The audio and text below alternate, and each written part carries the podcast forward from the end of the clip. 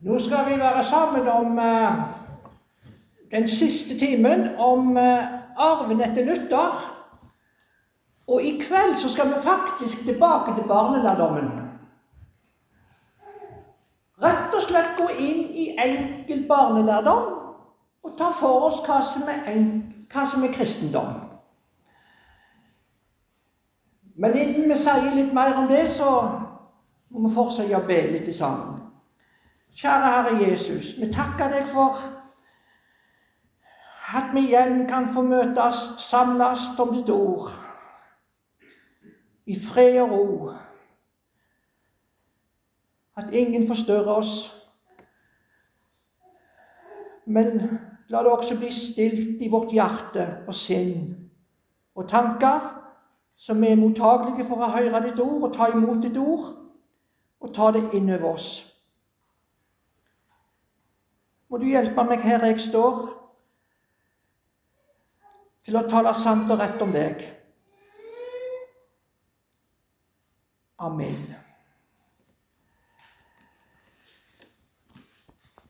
I 1528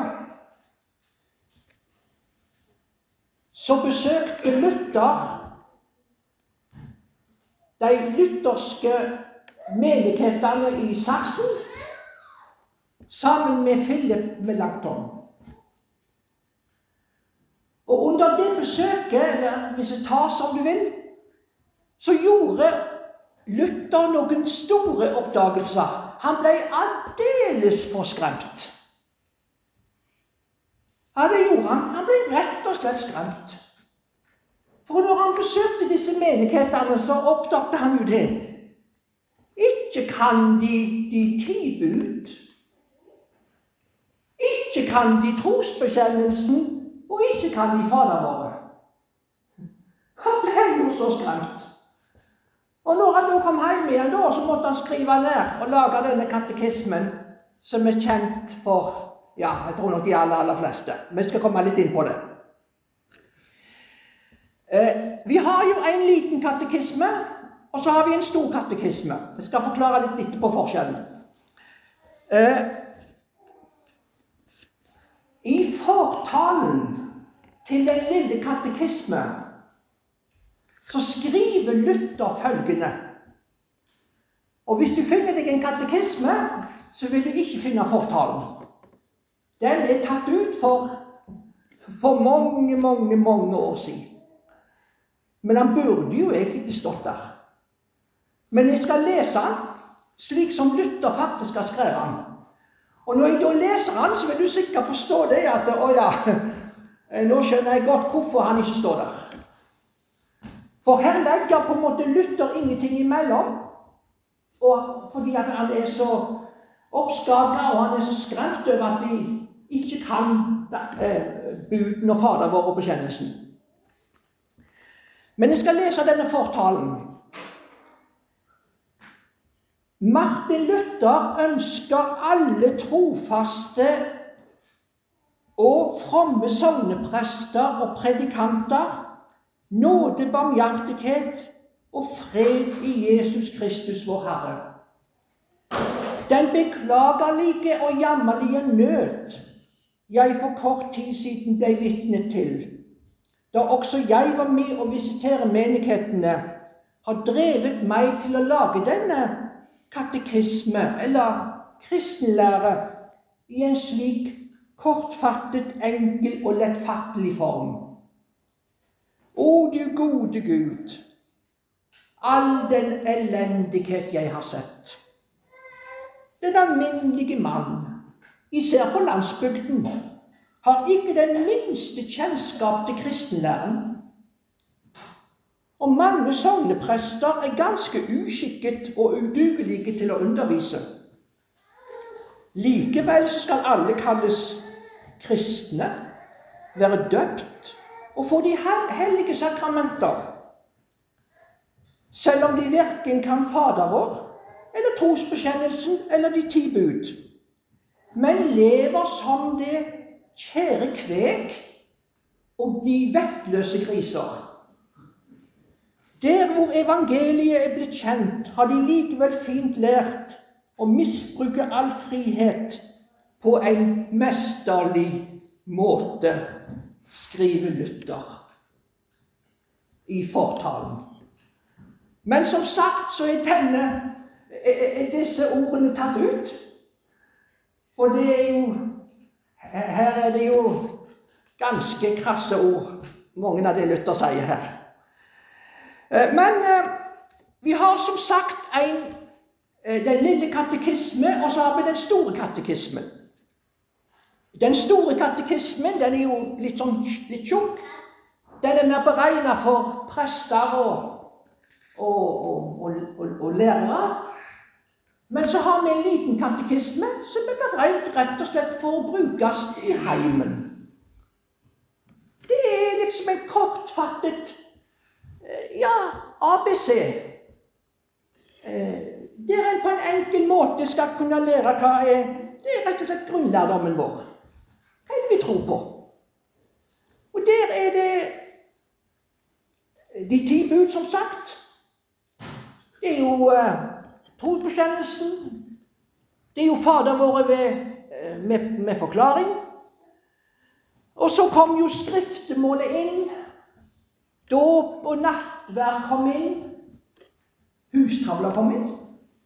Hustavler, som er et ord til de enkelte eh, forskjellige personer i, et, i en heim. Mann og kone og barn osv. osv. Hvordan de skal være i forhold overfor hverandre. Og så, du, og så fikk vi også inn eh, morgenbønn og aftenbønn i katekismen.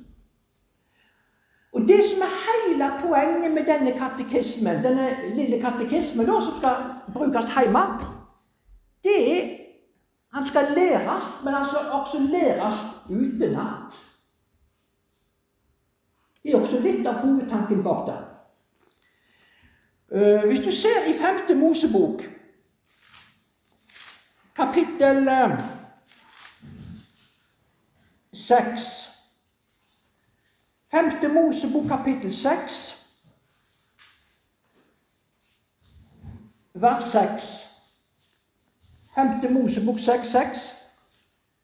Disse ord som jeg byr deg i dag skal du gjemme i ditt hjerte, og du skal innprente dem i dine barn, og du skal tale om dem når du sitter i ditt hus, og når du går på veien, og når du legger deg, og når du står opp. Du skal binde dem som et tegn på din hånd, og de skal være som en minneseddel på din panne, står der. Du skal innprente dem i dine barn. Altså, du skal innprente, du skal altså gjenta igjen og igjen og igjen og igjen. Altså, de, de skal læres utenat. Det er tanken bak det. Eh, nå er det jo en viss fare for at dette med katekismen er jo på vei ut i mange sammenhenger òg. Og nå eh, er det viktig at vi på en måte børster støv av den sannheten. og disse viktige bibelske sannhetene. Derfor, når vi først er inne på det med Luther og arven etter Luther, så tenkte jeg at vi i kveld rett og slett skal ta for oss troens artikler. Og Vi skal ikke se så veldig mye på selve artikkelen, jeg skal ta og lese den, men eh, vi skal se på forklaringen som Luther har om hvordan dette kan være med å hjelpe oss inn i Om hvordan Luther tenker om hvordan vi skal være i forhold til dette som han nå skriver om. Hvis du nå tenker oss nå, den første artikkelen Jeg tror på Gud Fader, den allmektige, himmelens og jordens skaper.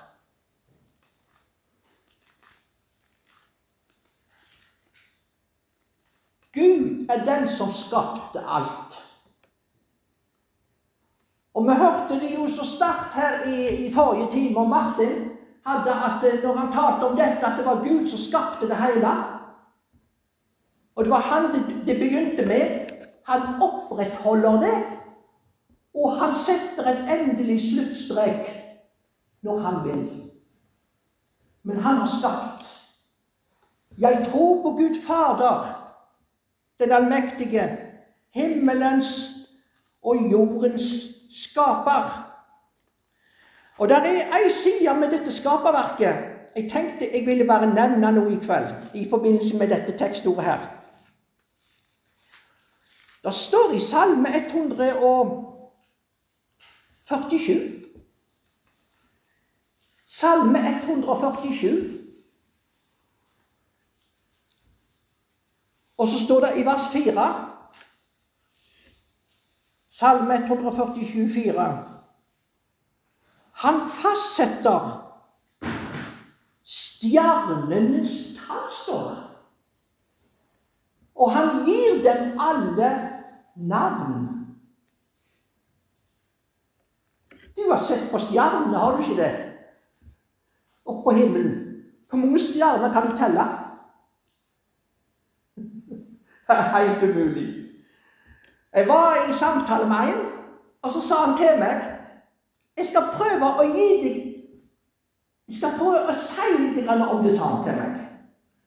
Og så sa han til meg Du, sa han, hvis du tar og teller ei stjerne hvert sekund Du må ikke stoppe. Du må telle ei stjerne hvert sekund.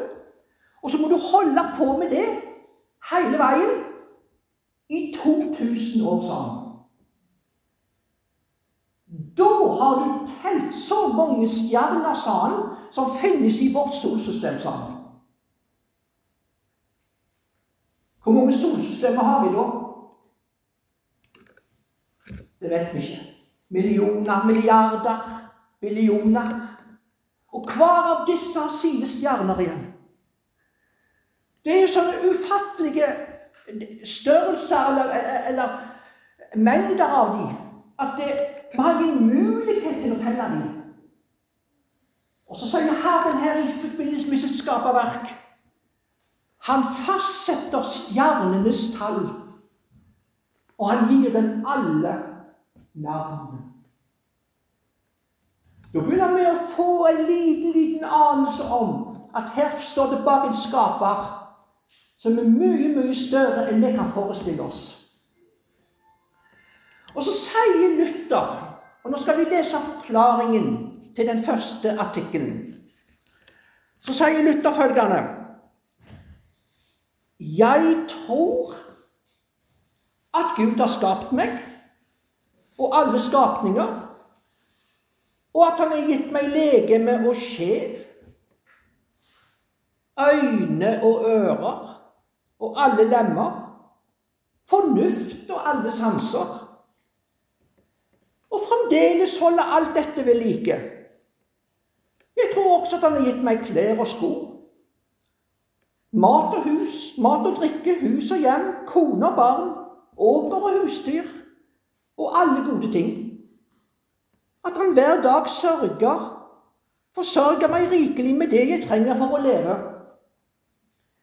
At han verner meg mot alle farer, vokter og bevarer meg mot alt vondt. Og alt dette gjør han av bare faderlig, guddommelig godhet og barmhjertighet, uten at jeg på noen måte har fortjent det eller er verdig til det. For alt dette skylder jeg å takke og lovprise ham, tjene og lyde ham. Det er både sant og visst, sier Luther. Der er noe som sier det at kristendom det er noe, det er noe tørre greier. Ja, det er bare for noe spesielt interessert. Og dette med kristendom det er bare noe åndelig. Det har ingenting med livet her på jorda å gjøre. Det er liksom det, Kristendommen distanserer seg fullstendig ifra det livet her på jorda. Det er bare noe åndelig. Ingenting er mer utsatt enn det. Ikke ifølge Luther, iallfall. For ser du, når Luther skal forklare hvem Gud egentlig er, så begynner han å trekke inn det daglige i livet vårt. Han begynner å fortelle at han har gitt meg det ene og gitt meg det andre. Luther her han har gitt meg øyne og ører. Ja. For alt dette så er jeg skyldig til å takke og lovprise Han. Hvor mange, av, hvor mange av dere er det som i dag har takket Jesus for at dere faktisk ser? Ja. Er det noe vi takker Gud for? Er det ikke, blir det ikke sånn at, at, at det er først når vi begynner å miste synet, og at det blir et problem for oss, at det er da vi først begynner å be til Gud.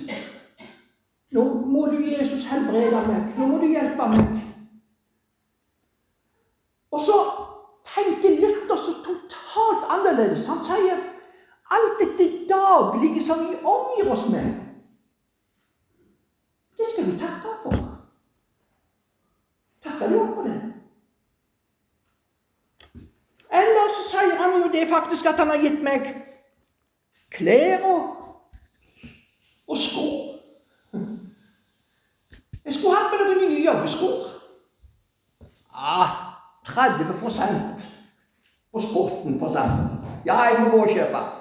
Mor og far de kjøper. De trekker kortet. Og så kjøper du deg dine nye joggesko, og så tenker du ja, jeg har fått nye sko. Ikke noe mer å tenke over det. Men så sier Luther han har gitt meg klær og sko. Og for alt dette, sier Luther, så skylder jeg å takke og lovprise ham, sier han. Altså, hva er det Luther prøver Hva er det, han, hva er det Luther vil, vil si oss her? Han vil si oss alt dette daglige som vi omgir oss med. Hus og heim, kone og barn, mann og hustru. Alle ting, det daglige i livet vårt. Vi skal takke for det. Eller tar du bare imot dette som en selvfølge? Akkurat på samme måten som verden tar imot ting helt selvfølgelig. Ja. Jeg tror vi er i ferd med å bevege oss ganske, ganske langt vekk fra hva som egentlig er Luthers kristendom. I hvert fall på dette punktet her. For vi tenker ikke det at det, dette med Gud inn i det daglige livet er liksom noe vi skal bry Gud med. Jo, sier Luther. Vi skal begynne å takke ham for alt dette som vi har. Jeg tror på Gud Fader den allmektige, himmelens og jordens skaper. Og så kommer vi til den andre artikkelen.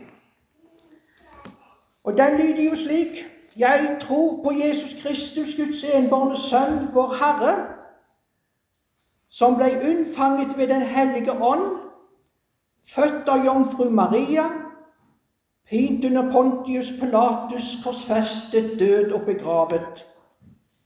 For hun til dødsriket, sto opp fra de døde tredje dag, for opp til himmelen, sitter ved Guds den allmektiges Faders høyre hånd, skal komme derfra igjen for å dømme levende og døde. Og så kommer Luther med sin forklaring. Hva betyr det? Jeg tror at Jesus Kristus, han som er sann Gud, født av Faderen fra evighet og sant menneske, født av jomfru Maria, er min Herre, som har gjenløst meg. Fortapt og forsyndet, fordømte menneske, kjøpt meg fri og frelst meg fra alle synder og fra dødens og djevelens makt. Ikke med gull eller sølv, men med sitt hellige dyre blod og sin uskyldige lidelse og død. For at jeg skal være hans egen og leve under ham i hans rike, og tjene ham i evig rettferdighet, uskyldighet og salighet, på samme måte som han har stått opp fra de døde og lever og regjerer i evighet. Det er både sant og visst, sier Luther. Her er det jo mange punkter i, eh, i den, eh, den artikkelen. Men det som egentlig skal samle oss, egentlig kun ett ord, som Luther sier i den, i den, eh, i den forklaringen. Han sa, sa jo følgende Han som har forløst oss, står der. Og Det som skal samle oss nå omkring den andre artikkelen, det er dette uttrykket 'forløst'. Forløst. Hva betyr det?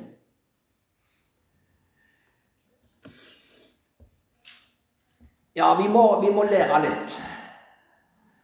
Vi er ikke på noen bibelskole her, men, eh, men vi må allikevel lære litt allikevel, ikke sant? Ja, vi må det. Eh, for at vi skal forstå dette uttrykket 'forløst', så må vi gå faktisk tilbake til eh, hebraisk familierett. Og i hebraisk eh, familierett så eh, er det et uttrykk som, som heter gahal. Og dette ordet gahal Eh, er oversatt i Bibelen vår med en løser. er det oversatt med. Men dette her Gahal-begrepet eh, eh, innenfor hebraiske familierett betyr rett og slett en nære slektning. Som skulle sørge for at familien hadde det godt og bra på alle måter. Han skulle være en beskytter. Han skulle være en garantist. Han skulle rett og slett en som skulle ivareta familieinteressen, altså. Og ta seg av familien på alle mulige måter, så de hadde det godt. Og det var innenfor fire forskjellige områder. Eh, det ene området det var jo eh, at hvis eiendommen var solgt, så skulle denne her løseren kjøpe eiendommen tilbake igjen. Det andre det var jo at eh, hvis det var ei enke, og enken ikke hadde barn, så skulle han føre slekten videre ved at han skulle gifte seg med henne og føre slekten videre. Og det tredje det var jo at eh, hvis det var et familiemedlem som var blitt solgt som en slave, så skulle han kjøpe slaven tilbake igjen. Og det fjerde punktet eller, det var jo at hvis det var et familiemedlem, da, en nære slektning som var blitt myrda, så skulle denne løseren finne morderen, og så skulle han hevne, og så skulle han drepe vedkommende. Her har du på en måte løseren sin oppgave i Israel. Og så er det nemlig sånn at dette ordet eh, Gahal har etter hvert utvikla seg ganske, ganske tidlig til å bli brukt faktisk om Herren i Det gamle testamentet. Mange, mange, mange plasser er det brukt om Herren. Og så er det store spørsmålet når Luther sier her 'Han som har forløst meg' fortapte og fordømte menneske. Han har forløst meg. Har jeg behov for en løser? Jeg var vel en ti-tolv år. Ja, kanskje ja. Elleve år. Elleve-tolv år var jeg vel cirka. Eh, jeg hadde bare én nabo hjemme der som jeg bodde. Denne naboen han var tre år eldre enn meg. Og vi hadde en veldig sånn spesiell eh, lek.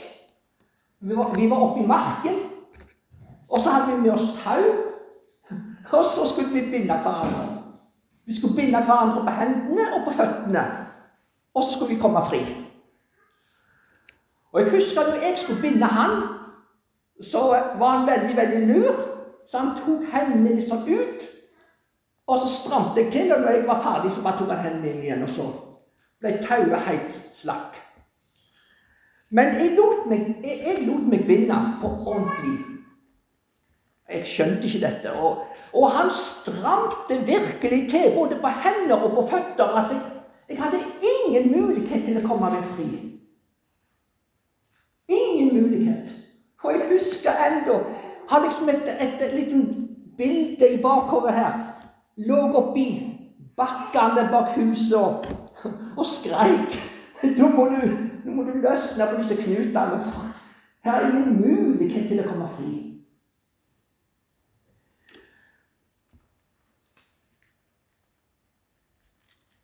I vårt forhold til Gud er ikke vi bundet med noe tau. Men det står et ord i Romerbrevet kapittel 7. Romerbrevet kapittel 7, vers 14. Jeg er kjødelig solgt til trell under synden. solgt til trell under synden. Synden ikke bare, synd ikke bare noe feil jeg gjør. At jeg gjør bare ting som jeg ikke egentlig ikke burde gjort. Men synden er på en måte en makt. Og så står det her jeg er solgt til trell under synden, står der. Det er det som er det veldige, veldige alvor her. Solgte trell under synden. Jeg er på en måte helt, helt hjelpeløs, bonden. Både i synd og i skyld. Ingen mulighet til å komme meg fri. Jeg er ikke bonden med noe tau, sånn som jeg lå som ti-elleveåring oppi bakkene. Men jeg er bonden innvendig kjødelig solgt som trell under synden. Jeg trenger også en løser, som Det gamle testamentet forteller oss. Og så brukes dette ordet, kahal, om Herren. Jeg skal vise to plasser hvor det står henne. Den, den første plassen er jo Esaias-boka. Um, Esaias-boka, kapittel 47, eh, og det er vers 4.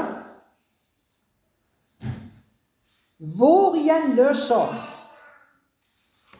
hans navn er Herren, står det. Her brukes dette uttrykket. Vår gjenløser, hans navn er Herren. Og så skal jeg vise et annet ord som ble så veldig godt for meg for eh, ei, ei, tid tilbake. Eh, det er i Klagesangene, kapittel 3, og vers 28. Klagesangene 3, 28. Uh, unnskyld, 358 er det. Ikke 28, men 58. Klagesangene 358. Herre, du har ført min sjels sak.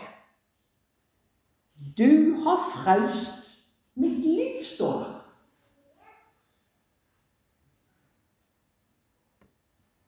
Jeg leser fra 1988-oversettelsen, men så har vi også fått en 2011-oversettelse som eh, eh, Som jeg ikke skal si noe særlig om her.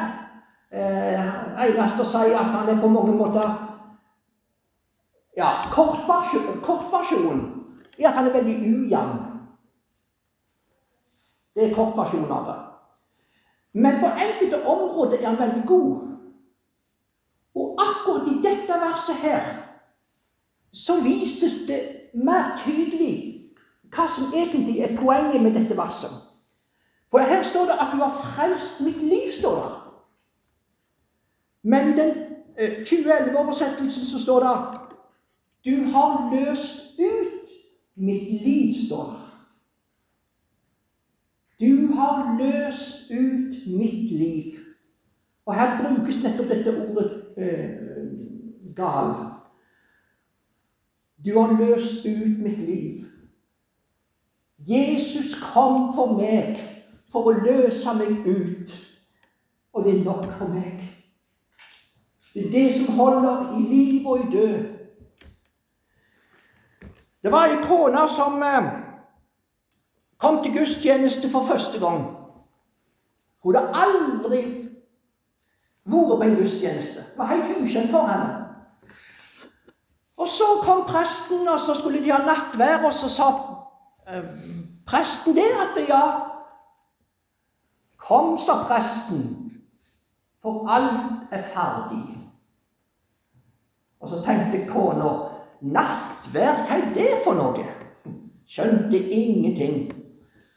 Men så sa presten 'Kom, for alt er ferdig'. Så kom hun fram med alterringen, bøyde, seg, bøyde knærne. Presten delte ut dette Jesu legeme, dette Jesu blod. Og så kom han til den kona, og så sier kona Så hadde kona tatt med seg håndveska si opp. Og dette er faktisk helt sant. Så tar hun opp håndveska tar opp lommeboka og tar opp noen penger. Og så spør hun presten hva koster dette her? Hva koster dette her? Så sier presten det er betalt, sa presten. Heldigvis sa ikke presten det at det ikke kosta noe. For da hadde ikke presten talt sant. Men når hun spør hva det koster, så sier bare presten det er betalt av Jesus. Han har forløst meg. Og hvor godt det er. Han har frelst mitt liv. Han har løst ut mitt liv. Det er vår redning. Det siste punktet det er jo om Den hellige ånd. Så står det slik Jeg tror på Den hellige ånd, en hellig allmenn kirke. De hellige samfunn, syndenes forlatelse, legemets oppstandelse og det evige liv. Og så sier Luther følgende Hva betyr det? Jeg tror at jeg ikke av egen fornuft eller kraft kan tro på Jesus Kristus, min Herre, eller komme til ham. Men Den hellige ånd har kalt meg med evangeliet. Opplyst meg med sine gaver. Helliggjort og bevart meg i den rette tro. På samme måte som Han kaller og samler og opplyser og helliggjør hele den kristne kirke på jorden, og bevarer den hos Jesus Kristus i den rette ene tro. I denne kirke gir Han hver dag meg og alle troende rikelig forlatelse for all synd på den ytterste dag skal han vekke opp meg og alle døde, og gi meg og alle troende i Kristus et evig liv. Det er både sant og visst, sier Luther. Legg merke til at han sier følgende Jeg tror at jeg ikke av egen fornuft eller kraft kan tro på Jesus Kristus. Det står nemlig ikke i de og min makt å plante oss sjøl inn i Guds rike. Det står ikke i de og min makt til å tro. Ingen mulighet. Ikke bare bestemme seg for det. Men han sier følgende men, han, men Den hellige ånd har kalt meg med evangeliet, sier han. Jeg var eh, Jeg var vel 21 år. Jeg begynte å gå i lag med hos med kona mi i dag. Det var første gangen hun besøkte, eller en av de første gangene hun skulle besøke oss på heimplassen. Eh, I Ryfylke, inne i Hjelmeland. Og så, når vi kom hjem der, så var det vekkelsesmøter i Hjelmeland kirke. Og så sa Toril, som kona mi heter, ja, vi må gå der, sa hun. Eh, hun var, en, hun var en kristen, men jeg var ingen kristen på det tidspunktet. Og jeg var jo ikke motvillig til å bli eh, Så jeg sa det at jo, jeg kan, jeg kan bli med på møtesak. Så var det innbydelse. Og så hviska Toril til meg inn i øret, du. Skal ikke du gå fram, hun. Nei, nei, jeg vil ikke det der. Og så sang de litt til, og innbydelsen gikk ut på nytt. Så nappa hun meg i skjorta. Så sa hun, 'Ja, men jeg kan følge deg', sa hun. Men da Jeg vet ikke om det, om det bare var en refleks, men i hvert fall så trampa jeg i gulvet. Ganske litt sånn hardt og bestemt. Og så sa nei. Jeg vil ikke. Nå tror ikke jeg det at det er noe, noe frelser vil gå fram. Det er ikke det det handler om. Og det, og det, og det er heller ikke min eh, det som jeg nå skal si, som er poenget. Poenget er at når vi kom ut igjen fra kirken den kvelden, så var det én ting som sto tindrende klart for min, for min tanke, og som jeg var fullstendig klar over. I kveld så kalte Gud. I kveld kalte Gud, men jeg avviste ham. Heldigvis så kom han igjen. Der er stunder i ens liv der du ikke skal avvise ham når du kjenner at han er der. Jeg avviste den kvelden, og det, det sto fullstendig klart for meg at jeg faktisk gjorde det. Så sier Luther i sin forklaring her jeg tror ikke at jeg ikke av egen fornuft eller kraft kan tro på Jesus Kristus, min Herre, eller komme til Han. Men Den hellige ånd har kalt meg med evangeliet. Det er jo det han sier i Johannes evangeliet kapittel 16. Han skal herliggjøre meg. Åndens oppgave er hele tida å føre meg til Kristus, vise meg Han. Da må du ikke avvise han når han kaller, sånn som jeg gjorde det. Skal vi da folde våre hender, så skal vi takke. Vi takker deg, Herre Jesus, for at vi skal få komme til deg, og takker deg for at du fant meg en dag. At du ble meg for sterk. At om jeg avviste deg den ene gangen, så henta du meg inn igjen, og du fikk berga meg. Og så vil jeg be deg, Jesus, om at jeg må få, få være hos deg og må få tilhøre deg gjennom livet. Du får ta hånd om den enkelte her òg. At vi må få også få se inn i ord om deg. Inn i hemmelighetene i ditt ord. Og at vi blir knyttet til deg. Takker deg at du er min løser, Jesus. Det var ikke med forgjengelige ting, gull eller sølv, dere ble løskjøpt ifra deres dårlige ferd, som var arvet fra fedrene. Men det var med Kristi dyrebare blod. Blodet av et lyteløst og ulastelig lam. Så var du det lammet som bar min sønn og løste meg ut. Takk, Jesus, for det. Amen.